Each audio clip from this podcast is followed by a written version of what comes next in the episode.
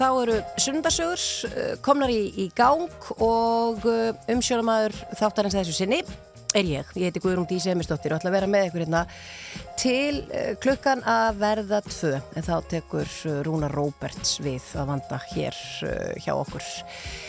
Gestur minn af þessu sinni heitir Tómas Hermansson, hann er bókaútgefandi með meiru, hann er miklu meira en ekki að ég sé að segja að það að vera bókaútgefandi sé lítið en hann er að koma sér fyrir hérna hjá okkur. Við ætlum að heyra uh, alls konar sögur, við ætlum bara að fara já ég vil til dæmis fá söguna af sögum sem að er bókaútgáðan hans. En það allt saman hérna eftir uh, smá stund. Skulum byrja á tónlist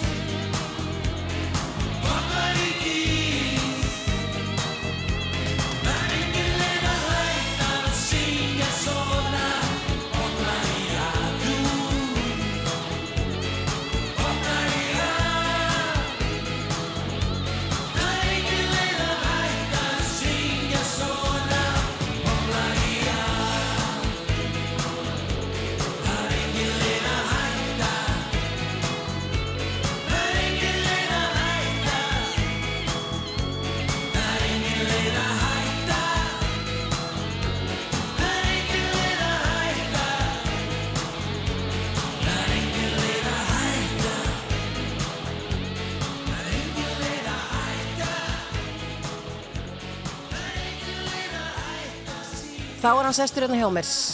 Gestur minn að þessu sinni í sunnudagsögum Tómas uh, Hermansson, kontur sæl og blessaður. Kontur sæl og takk fyrir að koma. Já, ég ætlaði nokkert að koma en svo bara gæti ekki sagt meira nei. Nei, nei, gæti ekki sagt meira nei. Ganski þegar ég Mér finnst ég nefnilega stundur svo leiðilur Nei, nei, nei, nei, nei, elska mín. Þú ert alveg, þú, ert með skemmtilegri mönnum. Já, ok, takk, takk. Ég fekk þessa flugu í kollin að uh, fá Tómas Hermansson í, í spjall. Og ég fór í símaskána sló þar einn Tómas Hermansson. Ég var ekki með númerið þitt í, í, í skránu minni. Þannig að ég ringdi í, Tómas, einn Tómas Hermansson. Já, þá svaraði maður fannst ég ekki kannast við röddina, því ég hef náttúrulega ég hef alveg tekið áður viðtal við þig og, og, og, og leiðir okkar að hafa eh, leið saman, ef ég get sagt svo og fannst ég ekki kannast við röddina og ég segi svona, heyrðu, þetta er nú öruglega ég held ég sé að ringja í skakt númer og hann segir, já, er það ætlaður að ná í Eurovision faran og ég segi, já, jú, jú, jú Jú, öruglega, jú, hann, hann hefur jú tekið þátt í, í svona Eurovision smá geimi og, og þá sér hann, já, það, ég, ég er ekki hann. Það er alltaf hringt í mig samt á þessum árstíma. Greinilega, já, þegar að söngvakernin er búin að vera í gangi, ok. á greinilega hringt í þennan mann og svo sagði hann og svo er líka alltaf verið að hringi í mig fyrir jólinn vegna bókaútgáfu. Já, Mér þótt þetta svolítið skemmtilegt og, og, og merkilegt að þessi maður hann úti, hann hann lendir í að vera þú, já, ég bara fyrirgjáðu og skal hérna reyna að koma númurinn mínu betur til skila en, en hérna, ég veit ekki já, já, Já, já, það er ekkert auðvilt að vera ég, ég bara ég er samríkistórum já, já, það er sami. En Tommi, sko, ef við bara, ég veit ekki hvar við um að byrja, þú átt þess að þessa bókaútgáfu uh, sögur og hefur gefið út hundruður bóka. Já.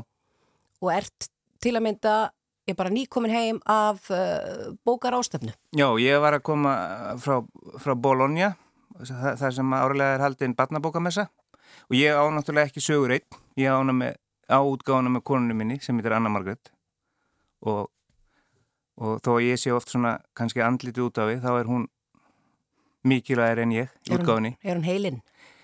Já, sko, ég á kannski flestar hugmyndirnar og er, er svona erfiðastur en, en, en hún klárar, Já. þú veist. Mm Þannig að, en við fórum saman til Bologna, fórum reynda fyrst til Kaupmannahafnar, þar sem við hittum afabarnið mitt. Já, Ég er úr en afi. til lukku með það. Takk að hefur þú trúað því? Nei, svona kottnungur. Við verðum að staldra við þarna. Hvernig, hvernig er tilfinningin að verða afi? Það er bara rosalegt, sko. Það er hérna svona órumurulegt. Og ég var með feimin við hann hann að fyrst. Að því, að því hérna, já, þetta, þetta er bara svo órumurulegt. Já. Að hérna, maður sé búin að, maður eigi 25% þarna í svona afkomenda. Já. Þannig að hérna, Er þetta ekki, er þetta ekki svolítið skrítið að því að þú tekur upp barnið, þú átt það, þú átt það samt ekki að fullu já, og svona hvernig, ég, ég get ekki, en er þetta, er þetta líka það sem að þeir tala um að, að lífi fyrst byrji þegar maður ammað afi?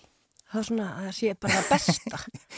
Ég veit það ekki, sko, ég, þetta er náttúrulega svo, ég, ég er bara búin að eða fjórum dögum með honum, hann býr í Kaupmannahöfn, en hérna, þetta er allavega ótrúlega góð reynsla og mér leiði rosalega vel og bara betur með hverjum deginum.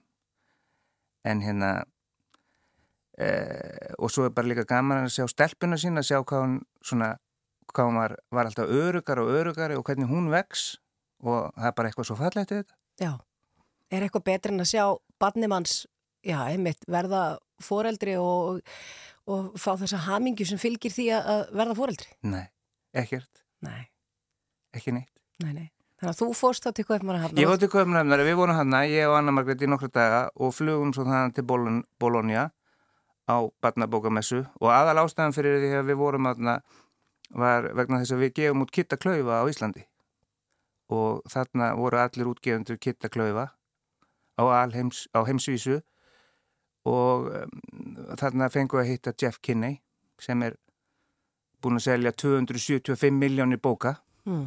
og þrjára eða fjóra Disney myndir og hann hefur komið til Íslands.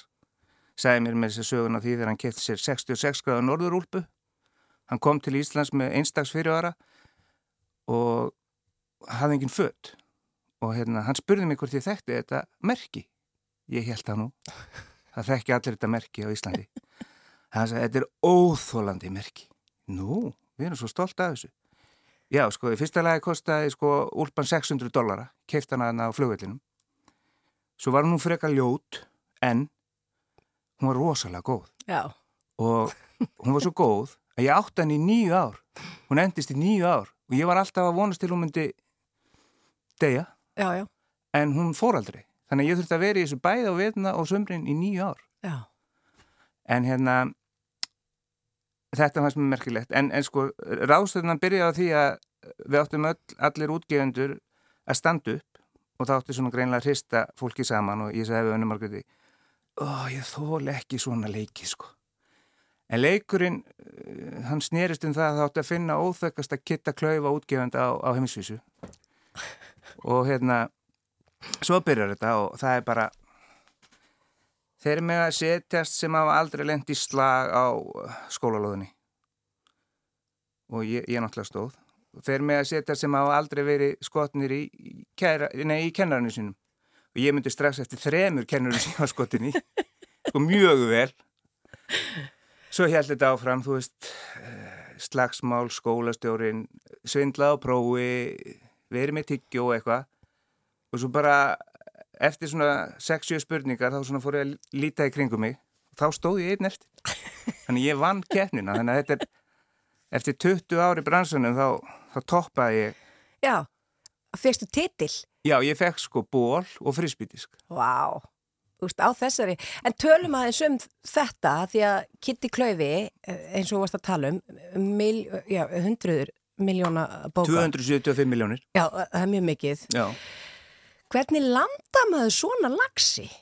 Sko, ég, ég náttúrulega landaði hann um ekki á sínum tíma.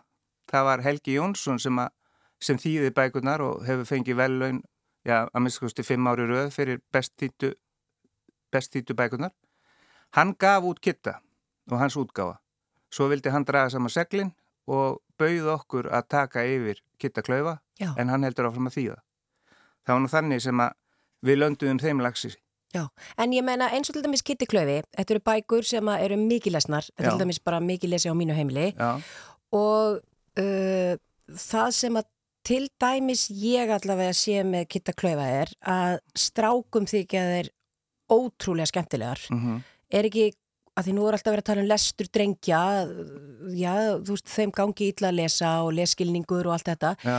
Er ekki alltaf gaman og magna að vera að gefa út eitthvað sem að ég bara strákar elska og tæti í sig þessa bækur. Jú, ég sá það bara á strákunum mínum þegar þeir voru uh, yngri að þetta voru einu bækurnar sem að þeir lásu og þetta er uh, Kitty Klaufi fær sko, fær alla til að lesa og sérstaklega þá sem ennaði ekki mm.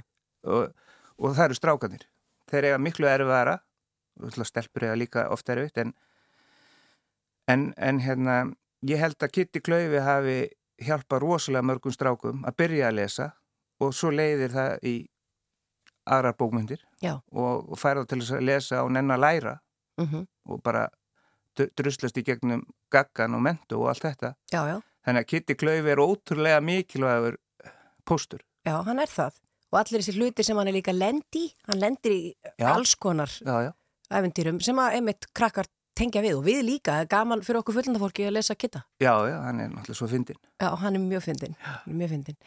En þetta æfintýri allt saman, þetta bóka útgefanda æfintýri, mm -hmm. þú valla vaknaður bara eitt góða við þetta sem krakki og hugsaði, mér langar að því við erum nú líka að tala um stráka og lestur og allt þetta ja. og hugsaði með þér, mér langar að gera eitthvað svona, því ég verð stór. Nei, ég sko kona mér myndi mig á það þú veist, að því þú bæst mig að koma og ég, ég fór bara að hugsa ég, veist, ég man ekki eins og hvernig útgáðan var til. Og þá sagði hún, nei ég man það.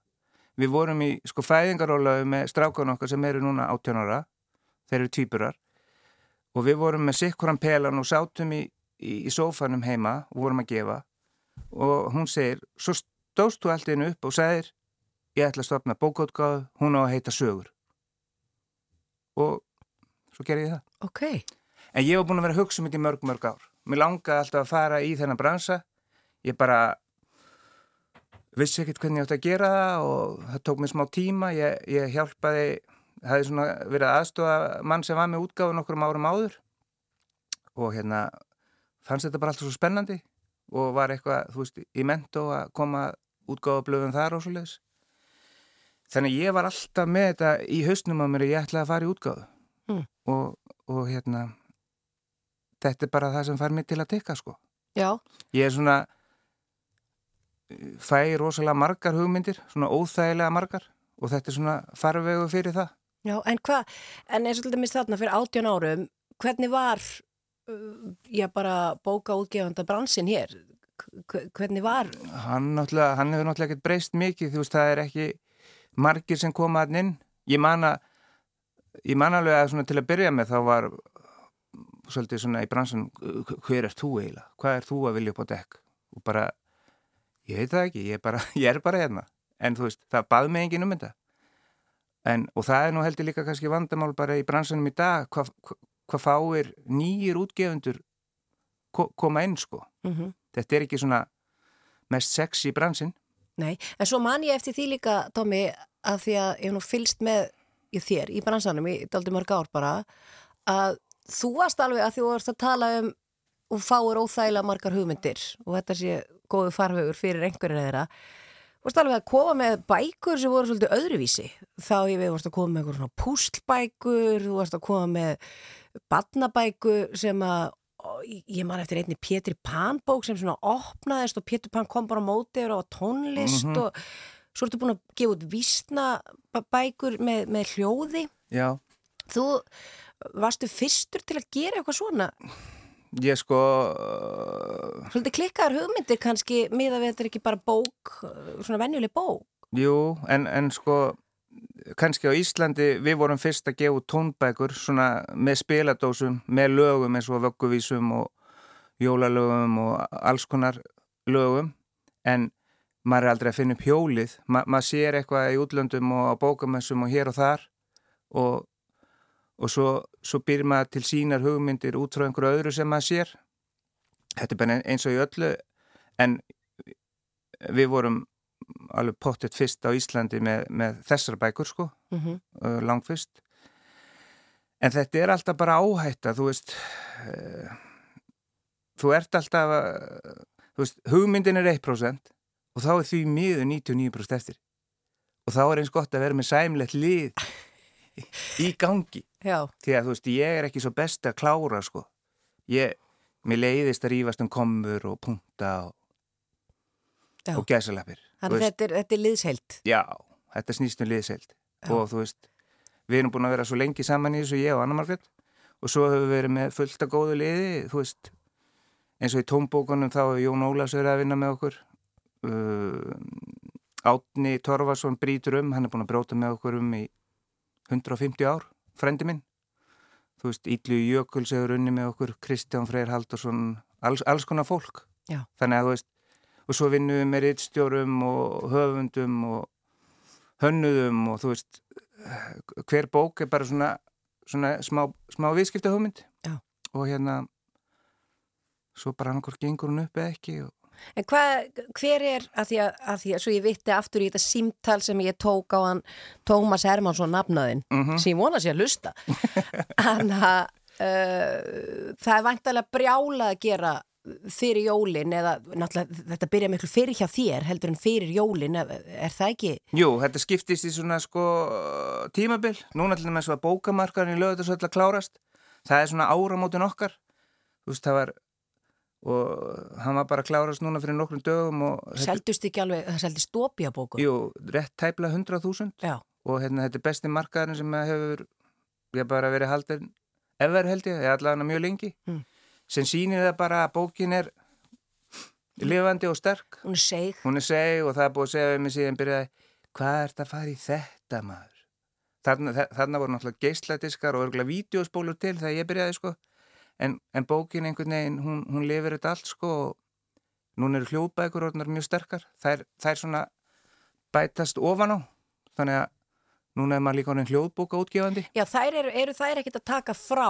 Eru þær meira, eru þær bara viðbót? Ég veit það ekki, það er endalust að rífast um þetta. Ég held að þær uh, taki frá kiljónum ég held að er svona svolítið komi í staðin fyrir þær eða kannski ekki alveg í staðin en, en svona þær, þær kroppa vel af kiljónum þannig að kiljubókamarkaðurinn hefur mingað en, en sko baklistinn í hljóðbókunum ef þú gefur út þú veist, Stefan Mána við gefum hann út og svo, svo kemur ný hljóðbók uh, þú veist, með honum þá lefna kannski 10-15 hljóðbækur við að því að fólk fíla nýju bókina svo rosalega vel Já.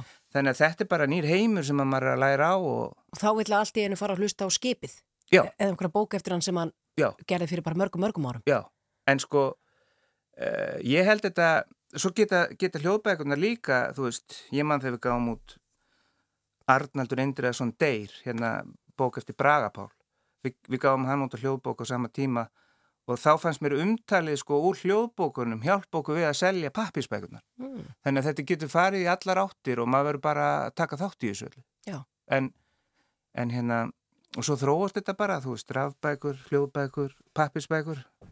Þetta, þetta skiptir einhver máli, þetta er bara mismunandi format. Já.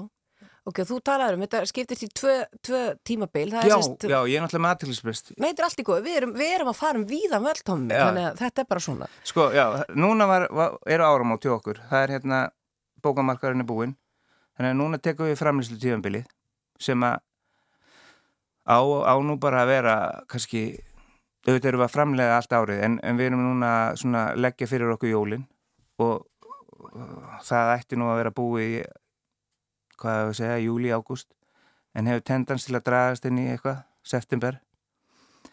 Og og það, það er svona freka þægilegt þannig laga, skiluru það er engin að ringi mann og djöblast í manni eða það er engin að reyna að selja manni auðlýsingar eða neitt sko. Þannig að nafniðin fær frið. Já, það er örglega ekkert að gera í honum. Af því þú veist maður er bara í tölvupósti sambandi við höfundana og, eða er að hitta og vinna með þeim og Já það er lengi þekkja mann að þessu tímbili, það er mjög gott. Já, já. svo hann að sko, oktober, november og desember er, er, er aldrei mikið það er svona erfiðast. Og þá náttúrulega þarf þetta að selja sko, og fá 75% af tekjunum. Og þá er þetta að leggja í dóm kjósenda, eins og Júruvísun og hérna þú veist ekkit fyrirfram þó að þú, haldir og sért með rosalega flottan útgáðlista og eftir helviti drúið með þig þá, hérna, þá veist ekki neitt sko það er, það er líka reynslan kennir manni það að það er langt best þess að ámar ekki að fara í vitul það er langt best að halda bara kæfti því að þú, þó sért með einhverja sko, með geggjaða bók þú er búin að eða rosalegum peningi í það og þér finnst þú að bara vera með flottustu bók sem hefur verið búin til þá er bara alveg eins líklegt að hún floppi og enginn sjáu þessa fegur sko. mm. svo kom upp svona óendir hittara sem að hérna, þjóðin elskar og og þá náttúrulega lígur því að þú hafi vitað allan tíman. Já. Ég vissi þetta sko. Ég vissi þetta, þetta var, þetta var, þetta var negla sko. Ég Já. sagði það allan tíman. Getur þú eitthvað upplýst okkur um, eitthvað, svona, eitthvað sem þú vissir ekki fyrirfram að er þið já, já. bara gegjað en, en... Er einhver að hlusta? En það er öruglega enginn að hlusta og þú bara segja mér þetta í trúnaði. Já, ég meina, gísla uppsölum. Ég held að það hefur verið 2011 og 2012 Já, maður mann bara eftir því að það var bara bók sem að fór í toppsæti og... Já, ég held að við hefum selgt sko 16.200 eindök. Uh, ég held að Yngibjörg hafi sagt það sjálf, allan var það alltala að hún hafi talað fullt á útgefundum og enginn hafi áhuga á að gefa hann út. Leikona, með sögu um, um, um að gísla okkar að vestan. Já, var þetta ekki einhvern veginn þannig, minnir að ég hef séð viðtal við hana sem hún var að tala um hann og langaði bara börnin hann að myndu vita hver jú. gísli væri, hún var ofta að segja um sögu fyrir kvöldin, jú, eða fyrir svefnin segi. Jú, þetta var hann eftir hrun og svona bóðskapurinn átt að vera næjusemi og, og eitthvað svo leiðis. En allavega sko uh, við, við, við myndskreittum hana og gerðum hana svolítið fallega mm -hmm. og fannst okkur hún, fannst hún vera huguleg sko. En ég ekki bara viðkynnt það að ég ætla aldrei að selja allar þessa bækur sko. Fóru því svo bara hlægandi bankan eftir þetta, þú og Yngibjörg? Já, já. En hún borgaði að vísu upp svolítið mikið að með öðrum bókum, þannig að maður fer alveg hlægandi bankan til að byrja með en svo þau maður að reikna og, og þarna en já, þetta var hún, hún hérna bjargaði alveg tíu öðrum ekki eins góðum Já. en þetta var, þetta var þetta er bók sem að hérna sló í gegn óvænt Keltabókin sem við gáum út núna fyrir jólin. Uh, ég vissi alveg að þetta var mjög vel skrifu bók skemmtileg. Hann hefur mikla ástriðu en ég áttaði mikið á því að þetta er svona djúft í þjóðasálinni veist, við viljum vera við erum keltneski þrælar. Ekki vill ég vera einhver norskur kongur feitu kongur með skegg og ég er bara þræll. Þú líka? Já, já. Þannig að þetta talaði til okkar. þetta talaði til okkar það er alls konar svona bækur sko ég man ekki ég, ég var ekkit ég, þú veist þess að tvær geti sett bara strax Já, já. svo bara fullt af öðrum sko Já. en svo náttúrulega nennir maður ekkert að tala um alla bækunar sem floppuð Nei, nei. því að það bara er ekkert eins gaman sko en það er alveg nóg að taka Já, en eins og þú segir, þó að það hafi floppað, ef að síðan þessir höfundar kemur með fleiri bækur sem myndur sláði gegn, þá mögulega myndi fólk sækja þessa bækur í hljóðbók setna og, og svona. já, ekki? já, allur gangur skáldsögur, náttúrulega, já en en sumar eiga svo ekkert erindi í hljóðbók og En hvað, menna, þessi bransi, hvað finnst þið til dæmis um, um það? Eru við að veita nógu mörgum höfundum listamannalaun til þess að ég bara geta verið að innbeita sér að því að skrifa bækur sem að þið getur svo gefið út sem að við getum svo notið þess að lesa? Ég er ekki svo besti til að, til að þú veist, auðvitað ætti alltaf að setja miklu meiri peningi í þetta. Því þetta er náttúrulega, bara það að kenna bönnunum að lesa er, er það mikilvægast að sko í lífinu fyrir, fyrir auðvitað mat og drikk og svo leiðis.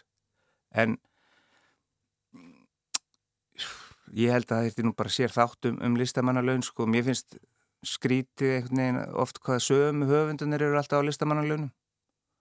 Uh, á meðan ungir og feskir ætti að fá, fá þau svona það er mín skoðan Fótt tækifæri? já, Mm en ég myndi ekki endilega vilja vera maðurinn sem myndi ráða því þá myndi ég allan að byrja nafna minn að taka síman bara allt árið Já. því að þú veist þetta er vand með farið vald Já. En það er oft, mér finnst oft svona sömu höfundunir alltaf vera að fá og, og það helst alls ekki hendur við vinsældir og ef að fáir er að lesa bækunar, okkur eru við þá að, að hérna, dæla peningum í þá í staðin fyrir einhverja unga, nýja, spennandi en ég nenni ekki að þessu ég á alveg fullt í fangi bara með að búa til bækur og, og halda okkur Já. lifandi sko Er eitthvað svona höfundasnopp í þér? mm, ég veit það ekki uh,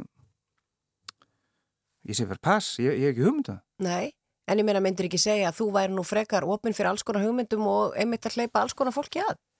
Jú, jú, ég, ég er alltaf opinn sko, eða, eða tel mig vera en hérna ég myndi örgulega sleikja upp nokkru höfunda fyrir að fá það Já. Bara því ég myndi make a lots of money Já, já, þetta er business. þetta er business líka sko ég er alveg til í að tapa á hinum og þessum bókum en maður þarf að koma út úr plús þú veist, helst Mm allan árið en það er alveg gaman að tapa stundum Man lærir að því. Nei, jú, maður lærir að það er mikilvægur að, að vera oftar í plús. En það getur, það getur verið rosa gaman að vera með æðislega bók og selja hana bara í 200-300 eintökum. Það er alltaf læg. En það er ekki nú til hún slefi upp fyrir núlið. Þannig að það er að vera balans í þessu. Þú ert að vera með einhverja svona vinnara og svo, svo ertu með lúsera og svo þarf að vera með einhverja svona óvænta sem þú veist ekkert hvað gera. Mm Tómi, ég er auðvitað sem að taka hérna östuðt auðlýsingarlið og ég hef litt lag eða eitthvað svo leiðis og við fáum okkur aðeins meira kaffi Já. og höldum svo áfram, komum aftur, uh, ég kem aftur eftir smástund og spjalla meira við hann Tómas Hermansson, bókaútgefanda eh, hjá uh, sögum bó, bókaútgáfu. Þú ert að hlusta á Rástfö.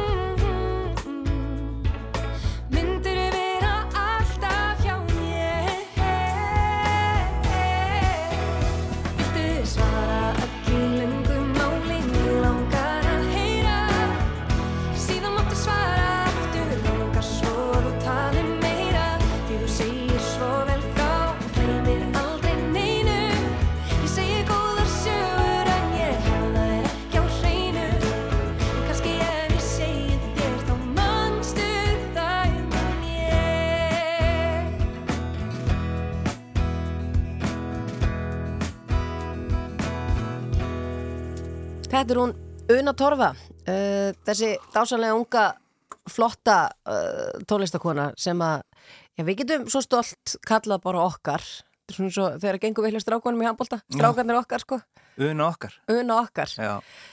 Uh, ég velti í fyrir mér sko, þessir ungu flottu tónlistamenn sem við, við eigum, hlustar þau ekkert á, á þá? Jú, mér finnst hún frábær og ég hlusta nú alltaf á rástöðu Mm -hmm. og þar er að vera að spila mikið af ungum tónlistaminu til dæmis kjörið þegar þú ert að laga þetta pakka. Og mér finnst alveg ótrúlegt hvað ef marga góða unga veist, ég, ég þekki ekki nafnið á helmingina þeim. En hérna bara frábæri tónlistamenn. Er, þetta, frábæri lög. Er þetta eitthvað sem þú gætir hugsaðir að fara út í, meina, gefa út tónlist eða er það, eh, þú, þú ert bara í bókunum? Já, við, ég gaf út tónlist sko fyrst þarna fyrir 18 árum þá ég veit nú ekki eins og hvernig það gerðist sko að allt einu var Pálmi Gunnars komið til mín og sagði hérna, þú ert að fara að gefa út mannakott og ég bara, ha? Já okkur vantar útgjöfanda og ég náttúrulega átti ekki dýrs að kalla Pálma og Magga þá var ég örgulega eitthvað í kringu 30 eða eitthvað og hérna Þú er ekki getað sagt nei við þá? Nei, það var ekki hægt en, en hérna ég gaf út einhverja kannski 15-20 geisladiska þegar það var ennþá hægt að selja geisladiska núna er náttúrulega ekki hægt að er þetta ekki alltaf Spotify eða eitthvað en, en hérna það var góð reynsla að gefa út hérna, tónlist og það var náttúrulega þarna kynntist ég uppáhalds höfundinu mínum, Magga veist, laga og texta höfundi. Hann og Björn Jörundur þetta eru, þetta eru mikli kongar sem geta bæðið sami svona góða texta og góð lög. Og svo Pálmi náttúrulega frábær söngvari og geggjaði bassalegari lýrikin í bassanum hans Pálma, þetta er bara eins og nýtt lag í hvert skipti sko. Mm -hmm. og það var alveg geggjað að- að að gefa út mannakott sko. Ég man eftir að við gerðum plötuna von þannig að sem að lagi Elska þig er á það var mjög gaman að taka þátt í að búa það til og vera í stúdíóinu og verða vitnaði hvernig svona verður til sko. Og tölum aðeins um uh, tónlistar áhugaðinn Mm. og einmitt að því þú ert að tala um samstarfið þessa konga þú já, ég meina þú spilar á gítar Jú, jú. minna hefur alla tíð haft svona tónlistar áhuga byrjaði það bara þegar þú varst polli fyrir norðan eða? Já, við, við erum fjóri bræður og, og mamma og pappi spiluðu, eða, já, spiluðu bæði gítar og það voru til gítarar og, píano og mandalín og eitthvað svona heima. Og ég bara lærði á gítar sko, elsti bróður minn spilaði á gítar og svo sá sem er tveimur ánum eldri. Þannig að auðvitað fór ég að spila á gítar og hérna það var mikið verið að spila á gítarinn á kvöldin. Og ég fór eitthvað aðeins í tónlistaskóla en ég var svo ungur, ég hafði ekki andlegt í það sko. Og hérna og, og pikkaði þetta bara upp sjálfur. Mm. og, og lærði af þeim og, og hérna já, og var bara alltaf að spila lög eftir stuðmenn og spilverkið og, og þetta sko og, og svo fór ég aðeins sjálfur bara að leika mér að guttla búið til lög, það veist, þetta er bara svona hobby sko. En af því að við erum okkur er títt rættum á Tómas Hermansson nafnaðinn Já, sem að segir við mig þegar ég ringi í skaktnúmer og ringi í hann og er að leita þér já, segir mig það að það sé alltaf verið að hafa samband við hann á þessum ástíma þegar Eurovision eða söngakeppnin er í gangi. Rífið hann aðeins upp fyrir bara hlustendum af hverju segir hann þetta?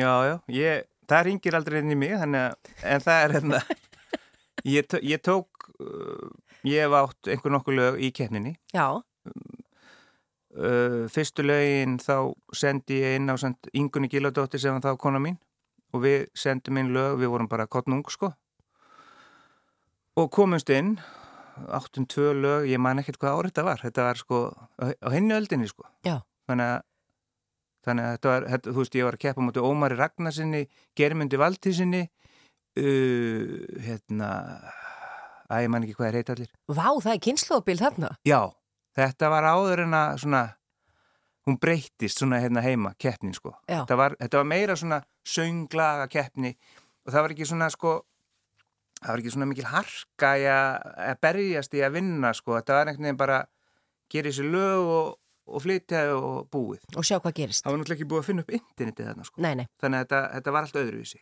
Og, en fyrir mig var þetta bara gaman að, að heyra lögin vera til og vera, tekin upp í stúdiói og þú veist, Gulli Brím á trommur og Jóhann Ásmundsson á bassa og þú veist, ég bara þetta var alltaf mikið sko, þú veist, Mhm. þetta var bara geggja en, en þú veist já, það, það var nú fyrir mig sko. Og mér finnst gaman að búa til lög og taka þátt í því og svo leiðis en ég hef ekki gaman að keppninni sko að keppa. Og síðasta skiptið þá það var fyrir svona það var 2014 eða 15 þá var Björn Jörundur að syngja. Og þá voru við einmitt þú veist, það var svona alls konar í kringum þetta. Það var geggja lag. Já, Hvað heitir það aftur? piltur og stúlka. Piltur og stúlka, akkurat. Og það, þetta þetta var uh, þetta var ekki kvartett. Þetta voru sko, við vorum þrýr saman. Já, ég og Bjössi og Bjössi. Já, og eigum þetta saman.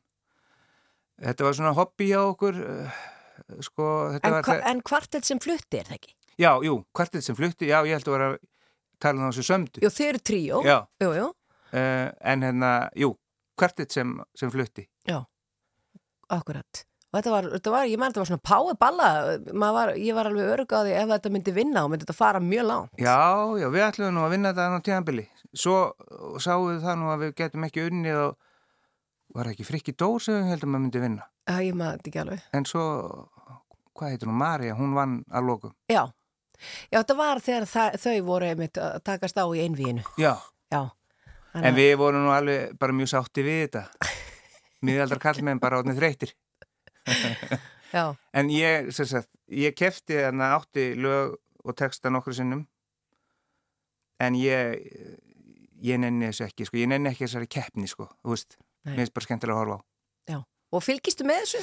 Já, nema ég misti svolítið af henni núna því ég var úti og svona en, en hérna yfirleitt ger ég það sko Mm Ertu stemningsmaður? Já, Mikill? já, Já, finnst gaman að allri keppni. Já. og hvort sem það er einmitt að fylgjast með landsliðunum okkar keppa eða... Já, já, ég er ólinn í því öllu. Já, og ég, ég horf mjög mikið á fótbolta. Já, fótbolta stráka sem að eru að spila og ég horf mikið á þá.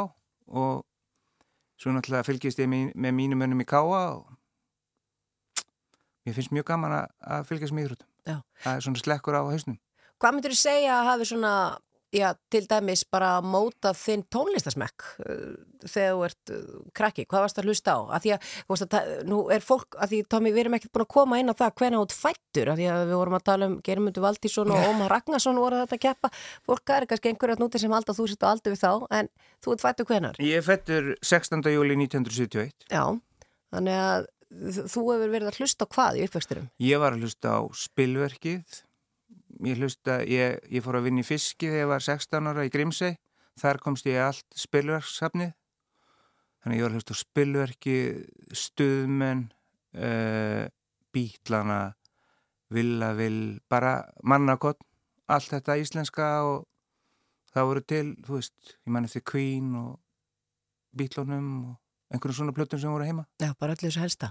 Já, já, bara þetta sem var í gangi, sko. Já. Dire Straits og Pink Floyd og eitthvað svona sem eldri bræðinni voru að hlusta á. En ég fór að hlusta á Prefab Sprout, uh, Talk Talk, um, Tears for Fears, veist, Já. þessi bönd. Já, þessi bönd.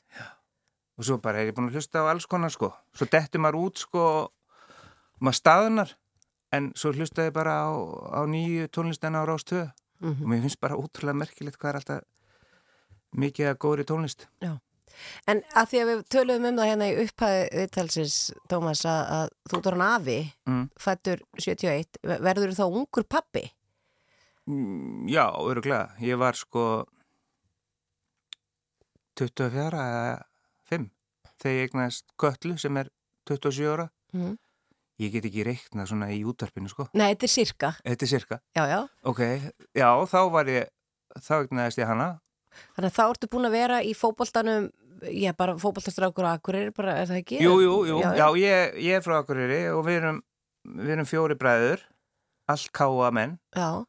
allir af suðubrekkunni góðabiðinni, Mm mamma býr með þess að ennþá í húsinu, það sem að ég Hólst upp í. Já, og við allir spilum að káa um, Er hjarta enn hjá Káa? Já, það er hjá káa en ég á stráki Viking þannig að ég stið Viking þegar hann er að spila svo á ég stráka í KR þá held ég með KR Já. annars held ég með káa Já, þetta er flókið samt. Já, já, en það er bara fí- það er gott að hafa mörg lið. Það er alltaf meiri líkur að vinnir. Já. Þú veist, ég held með tóttunum í ennskaboltanum og það er hræðilegt. Við Já. vinnum aldrei neitt. Nei, það er öruglega alltaf erfitt. Það er erfitt sko, ég er búin að halda með henn síðan 78 En já, við ólust þarna upp bara á Akureyri og þú veist lífi snýrist um fótbolta og skák. Ég teldi mikið og bara, þú veist uh, þarna var maður eitthvað að gaufast Já. Og fer svo í, ég til grímsegur að vinna í fiski 16 Já, ára. það var bara, það, ég myndi eftir því að þá hlust, þannig að kynntist ég spilur þjóðana Já. það var hérna, ég fór, fór þangað því að frænka mín bjóðar og það var nóg að gera í fiski og ég þurfti að vinna mér í pening, ég var að fara til New York að tepla. Ég var í svona unglingalandsliði skák Já. og hérna þá fór ég þangað og, og uh, já, bara til að vinna, þú veist, maður gæti unni allan var Og er það, er- en genguru, ert, ertu þarna að sumri til eða? Já.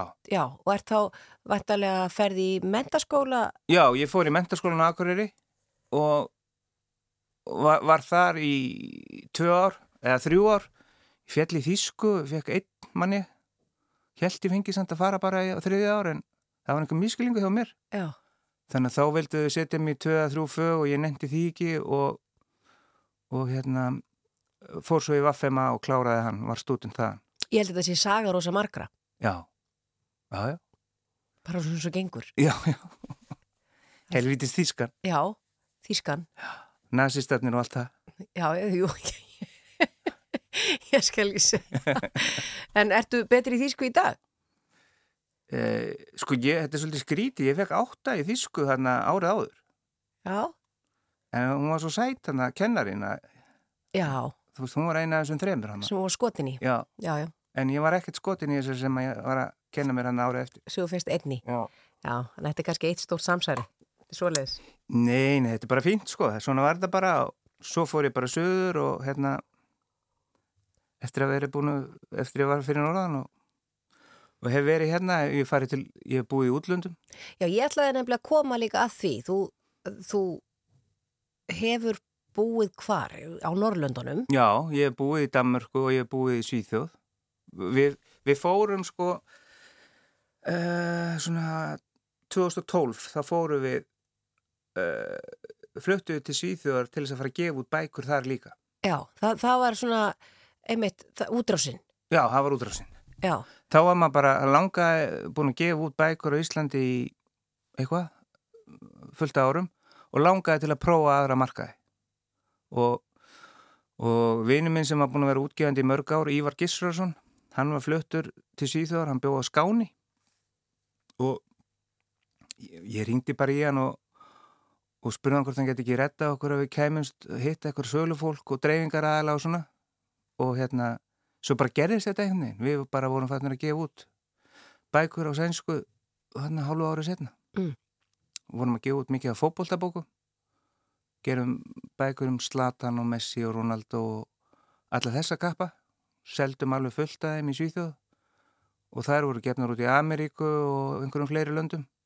Og síðan þá, þá hefur við gert fótboltabækur eða bækur um soccer fyrir Ameríkumarka. Það kom út einhverja 30-40 bækur þar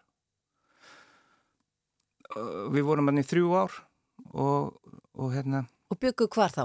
byggum í Lundi Já, hvernig er að búa í Lundi? það var fínt, uh, bara gaman og maður hefði alveg gett að vera þar áfram en það var svolítið erfitt að vera að gefa út í mörgum löndum en þarna kynntist við til dæmis lækninum í eldhúsinu ég bjóð til það monster Já, þú bjóst til læknir í eldhúsinu. en hann var náttúrulega löngu orðin lækninin í eldhúsinu en hann hafði aldrei gefið bók Já, hann Ragnar. já, Veitu, hvernig lenduði því? Voru þið kannski bara tveir íslendingar þarna saman og þú fórst í mat til hans og já það var doldið mikið þannig Eða, þú veist, ég og Anna fórum Já, segðu mér söguna þessu. Já, ok. Uh, það voru nokkri búin að vera að benda mér á hann að gæja þarna á, netinu, hann að læknin í eldhúsinu. Þú veist, hann var í flottur. Og, og það er alltaf, þú veist, ef að nokkri eru búin að segja eitthvað við þig, þá er það líklegast rétt. Já, en hvað var fólk að segja? Segja bara, skoða þennan gæja, já, skoða, þú veist, okkur gerir ekki maturslubekkum með þessum gæja. Já. Og ég bara, já, svo fór ég að fylgjast með honum og kíkja á hann og svo bara, hérna, fattaði það að hann bjó bara, þú veist, í saman bæ og ég. Mm. Og hérna, ég held ég að bara ringt í hann eitthvað. Og sa, sagði, sagði við hann að ég, ég væri bara svolítið spenntið fyrir því að gefa hann út. Svo hittust við bara í hátæðismat heima hjá okkur og, og gáðum hann pitsu og honum fannst hún góð. Þannig að hann hefur kannski haft trú á því að getum þetta. Svo bara eittu eiginlega öllum ára, áronum hann í lundi á lögataskvöldum heima hjá honum og hans góðu konu og bönnum og bækurna voru þú veist, eldaða live hann tók myndinar og við náttúrulega borðuðum allan matinn og drukkum allt vínið Hann er varið í rauninni bara eitt stórt matabóð og lögataskvöldum í einhver ár þar Já. sem að hann var að elda einhverjar geggjaður uppskriftir og þið tóku myndirnar og uppskriftirnar skrifaði niður. að hann tók myndinar sjálfur Hann tók myndirnar sjálfur Já, og svo notuðu tækifæri náttúrulega og það var bara veistla um kvöldið. einhver þurfti að borða þetta Já. Já, þannig voru lögataskvöldin hjá okkur Já, þetta myndi ég segja að vera kannski frekar óvenjulegt. Er ekki vanlega að fólk er að gera matarslubækur eða eitthvað svona, það er bara gert í törn eins og þættir og... Jú, jú, síðustu bókina skerðu við á, á einu mánuði einmitt í törn það sem sem enginn gerði neitt annað Já, en var þetta ekki miklu skemmtilegra? Jú, jú, þetta er, þetta er mjög skemmtilegt og þetta er, þetta er náttúrulega allt öðruvísi en þú veist, þetta var eina leiðin til að gera bók með honum hann er náttúrulega, Læknir, hann vinnur allan daginn já. og, og nóttunni líka, sko, þannig að þannig að hann hafi laugadagana til að undirbúa og, og, hérna, og gera þetta Já, En þetta var, þetta var svona eitt af þessum dæmum sem að gengur svo upp, veist, hann hefur, hefur selt mjög vel og þetta eru mjög flotta bækur og við leggjum mikið í þær og þó svona maturslu bækur svona almennt hafi kannski, eru svona undanhaldi, fólk leitar aðeins á netinu. Já. það kom til þess engin matuslubók út fyrir jólin Engin? nei, Vá. ekki fyrir síðustu jól kannski ein, uh, kannski ein hérna, hvað heitir það, kökubók? Ég, ég, ég man ekki eftir neittni matuslubók Fólk að færa sig bara eins og þú segir á netið og, og horfa á einhver svona stutt vídeo og, já, en, en sko, svo bara allir komið þá ekki út fimm bækur fyrir næstu jól. Já, þá ætla allir að hitta það. Maður er í svona lifandi heimi þar sem að þú veist, þú veist aldrei neitt og þú þarf alltaf að vera að taka áhættur og þetta er alltaf svona litla viðskiptahugmyndir hver bók. Mm. Þannig að ég held þú veist, maturslubækum mun alveg lifa sko En hvernig fór þá með þessa útgáfu í Svíþjóð, þegar eins og þú sagðir, það er erfitt að vera gefa út í mörgu löndum. já, Það er örugglega bara eins og það er erfitt að vera með banka í mörgu löndum. Ég meina, þannig að bara yfirgastu það bara og komast hingað. já við sko Eða þið, þú Já. og Anna. já, við, við komum bara heim og og hættum bara að gefa út bækur á sænsku við erum ennþá að framlega bækur fyrir þessu útgefundur í Ameríku. En hérna við erum nú alltaf á leiðinu að fara að gefa út meira í Svíþjóð og við getum það alveg, veist, það er alveg opið ennþá fyrirtæki, kennitalan Já. en hérna ég veit ekki hvort við gerum það sko. Þetta er bara, maður, bara ákvörun þú veist, hva, hvað þú nennir og hvað hefur mikið, mikið kraft. En eins og þessar bækur í Ameríku um fótbolta, já, er ekki vaksandi áhugi á því og er þannig ekki einhver markaður, geti þetta orðið einhver mjölkukú fyrir þig? Nei, sko, við erum búin að gera þetta síðan, þú veist, 2000 og, ég veit ekki, 12 eða 14, þetta komið, þetta verður aldrei nefn mjölkukú, en þetta er gott með, Já, þú veist, þetta er bara, það er líka í þessu, sko, þú þarft að gefa 30 bækur á ári til þess að þetta make sense og, og þetta er bara ein af þeim bókum. mhm, Þú getur aldrei ríkur af þessu, það er ekki fræðilegu möguleiki, sko. Nei. Ekki nema þú færir að gefa út bara fótboltabækur í svona 30 löndum. Ég hef alveg spáð í það stundum. Við höfum selt bækur, veist, til Noregs og Danmarkur og Bandaríkjana og eitthvað svona. Draumaland, einn fyrsta bókin sem við gáum út, hún hefur komið út eh, á, í 12 löndum held ég. En þetta er ekkert, þú, þú lifir ekkert af þessu, veist. Bæk, hérna, þetta er ekki, þú veist, eins og kremmarnir það sem þeir selja alveg fullt af bókum. Þetta eru, þú ert bara að selja nokkuð þúsund að hverju, sko. já. En þarf þú að vera ókslega mikið á tánum að fylgjast með þeim með tverskum nýjum höfundum eða, Mm, já, já. og reyna að koma einhverjum á samning við þig og svona? Já, já, það er bara, já, og þú þarft að meta, sko, þú veist, skáldsögur eru bara einhilla og það, það er, þannig að það er ákveðin vinna í kringum það, en svo eru handbækurnar kannski flóknari og erfiðari, það er kannski að því skáldsagna höfundur, hann þarf rittstjóra fyrst og fremst og, og það er svona vinna á milli þeirra. En í, ská, í, í handbókunum þá er þetta kannski þrýr, fjóri, fimm aðilar sem koma á hverju bók. Og þú þarf svolítið að ákvaða þig ákvaða hillu ætlar að vera ætlar að bara vera í skáldsögum eða bara í handbókum eða bara í barnabókum. Við eh, erum búin að vera í öllu og það er svolítið tilnefingin á Íslandi þú veist, þetta er svo lítill markaður. Það eru fáir sem geta sérætt sig. Mm. en þú veist, svo fer að bókamessur úti og eins og Bologna bókamessan, það er bara barnabækur. Og það eru fullt af útgáfum sem að gefa bara út barnabækur.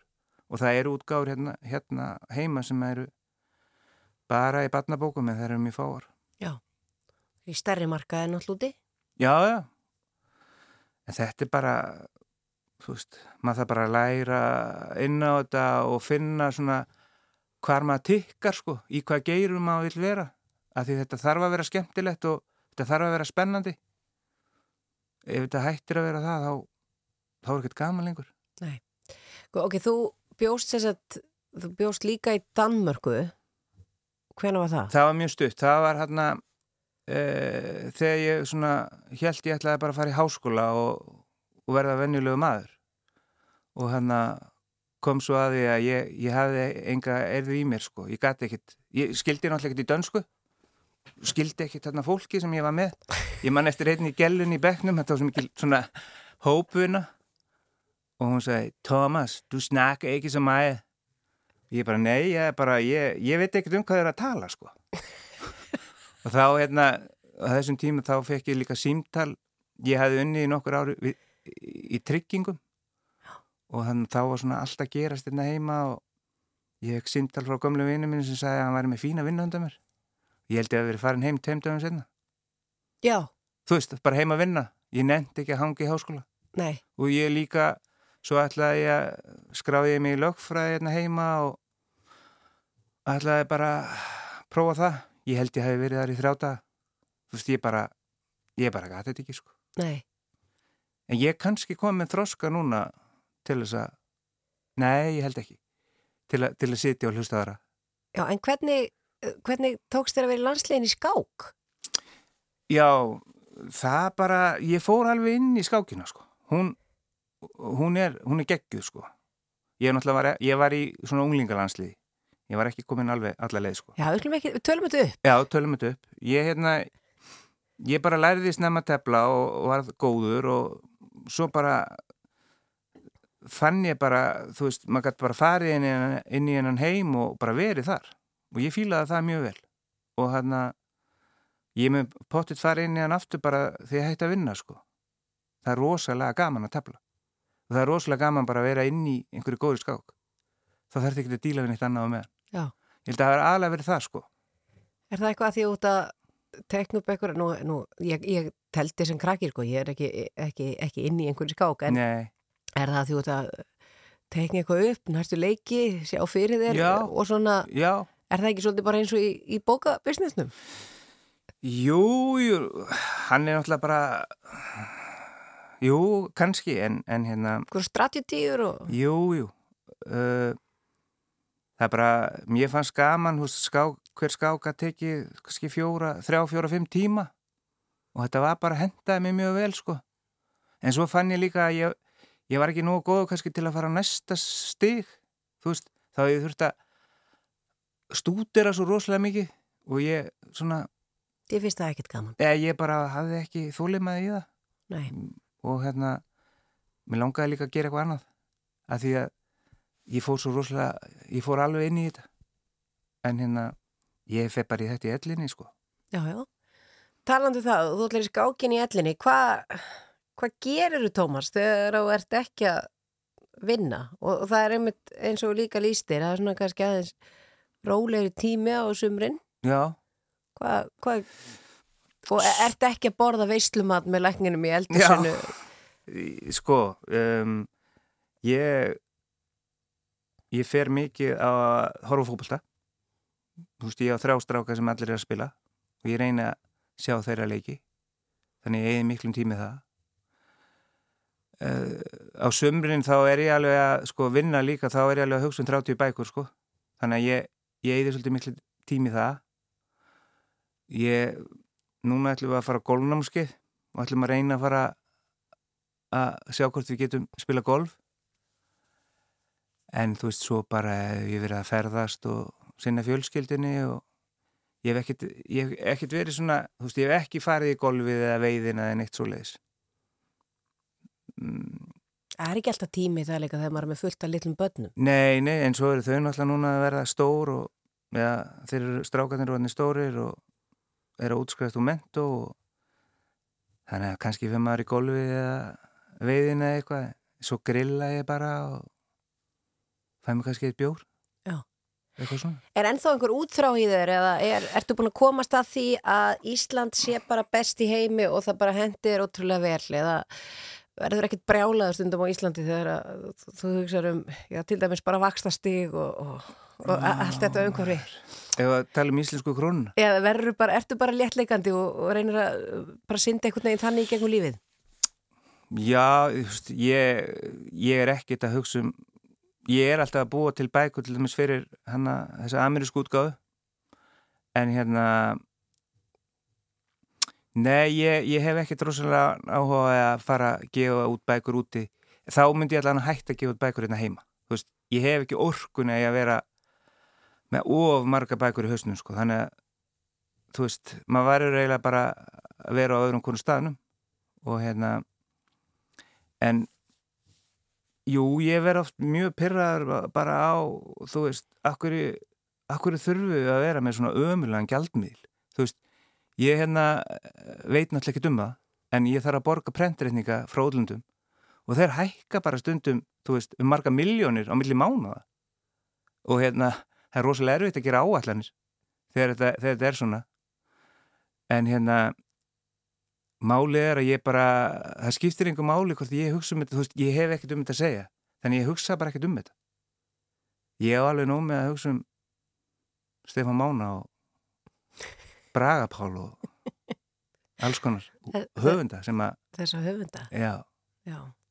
en hérna það, það, það er fullt af fólki að fá borga fyrir að sjá um þetta þetta er hitt sko Og treystir því bara. nei, nei, treysti þeim ekki neitt sko þau bylla bara en, en hérna það verður einhver að gera það Mm ég bylla bara í hinnu Já. Hvað, ertu, menna, ertu, ertu að rífi lóðin eða hvernig færðu útrás? Hvernig færðu útrás fyrir til dæmis þetta? Svona, já, já, eins og þú segir, þetta verður maður aðeins pyrraður, en, en, en það þýðir ekki reitt, maður verður bara að vera léttur. nei, nei, ég er náttúrulega ég er náttúrulega eitt lélegast í lóðamaður landsins ég rýf ekki neitt, ég rýf bara kæft en ég byrjar að lappa Já, lappa hverjum degi það er velgert. Já Eh, reyna að lappa alltaf 10.000 skref sko. Ég fekk nú eiginlega ekkert eiginlega, ég fekk hann að guðlaspeldi frá, frá góðum lækni sem sagði ég erði að missa nokkuð kíló og, og þú veist eitthvað svona. Og sagði bara, er nú þú verið miðaldra og þú verður að fara að hugsa um þig. Já og ef þú kemur, þú veist, ef þú kemur hérna eftir hálft ár og ert ennþá jafn þungur og, og rugglaður eins og ert þá hérna, þá getur þú enda á alls konar lifjum. Þannig að ég, ég þurfti að letta mig nokkuð kíló og, og fara að reyfa mig og svona og ég gerði það. Ég, ég hef allan að ennþá sloppið sko, en hérna, Og ertu bara að hlusta á góða hljóðbók með út af því? nei, ég, sko, við erum, við erum þrýr, þrýr saman að labba. Hverjir? Ég, já, það er ég og Bjössi og Bjössi. Það er þríekið, söngvakefnis þríekið. Nefna annar Bjössin hann ökla brotnaði þannig að hann gat, hefur ekkert getað labbað. Já, En við erum svona, erum að vinna í þessu að hérna labba okkur í, í form. lapp ykkur í form. Já. Alla þeir í golfi líka? Ég veit ekki, Björn Þór er nú í golfinu en við, við, við ræðum þetta nú ekki mikið. Við tökum einn dag í einu Já, í þessari göngu.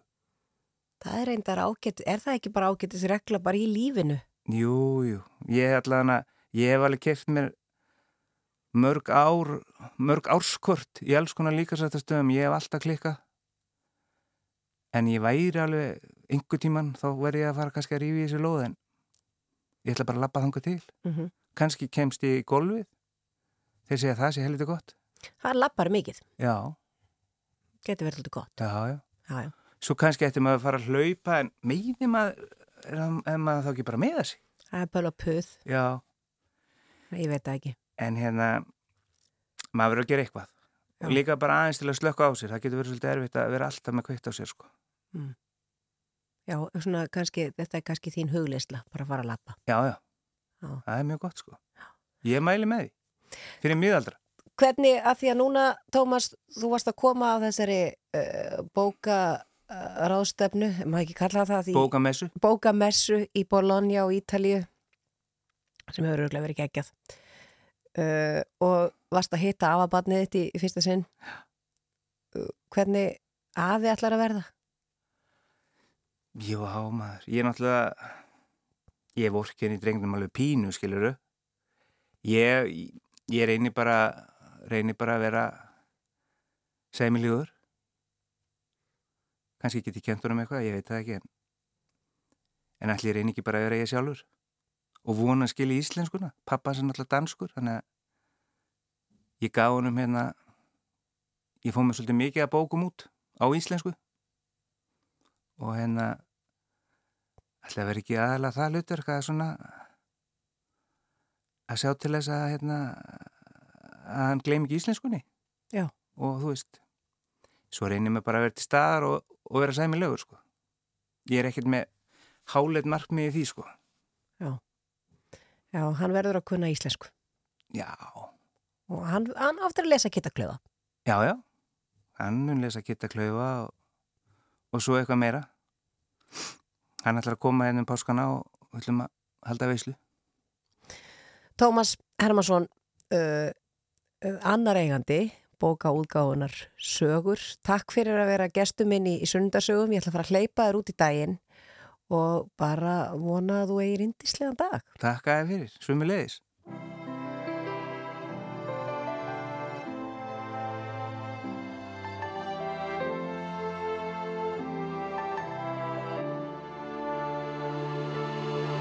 Kona og maður sitja við sama borð.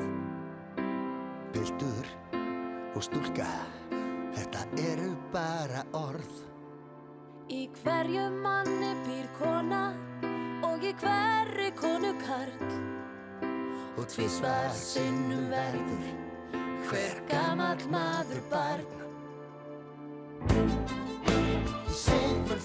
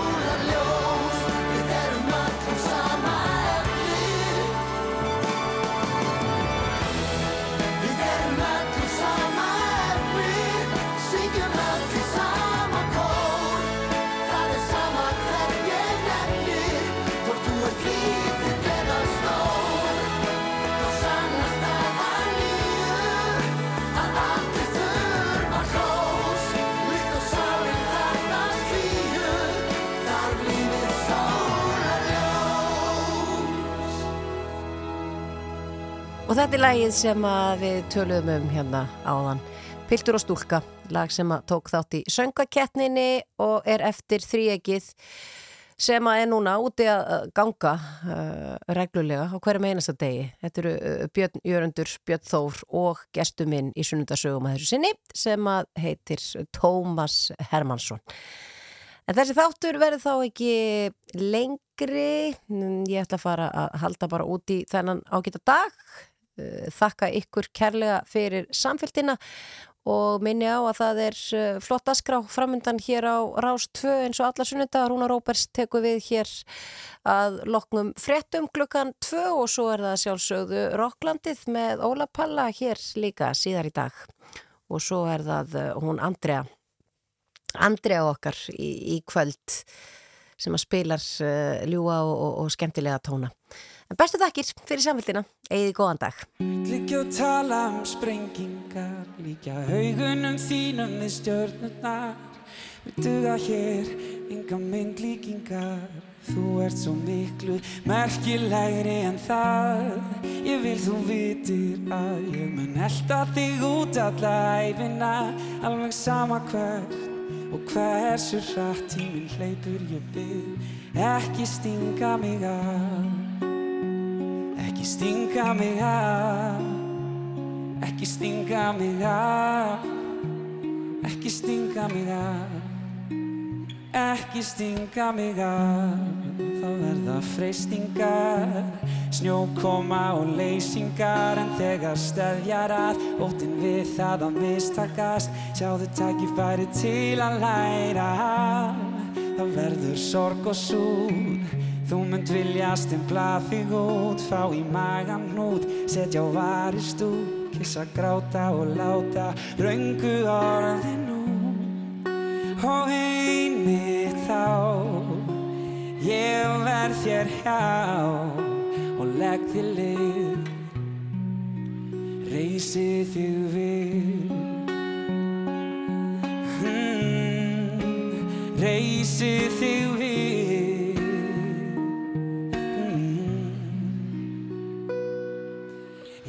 Að tala um sprengingar Líka augunum þínum með stjörnurnar. Mér duga hér enga mynd líkingar. Þú ert svo miklu merkilegri en það. Ég vil þú vitir að Ég mun elda þig út alla æfina Alveg sama hvert og hversu hratt Tíminn hleypur ég byrð Ekki stinga mig af. Ekki stinga mig af Ekki stinga mig af Ekki stinga mig af Ekki stinga mig af Ekki stinga mig af. Mm, mm, Ekki stinga mig. af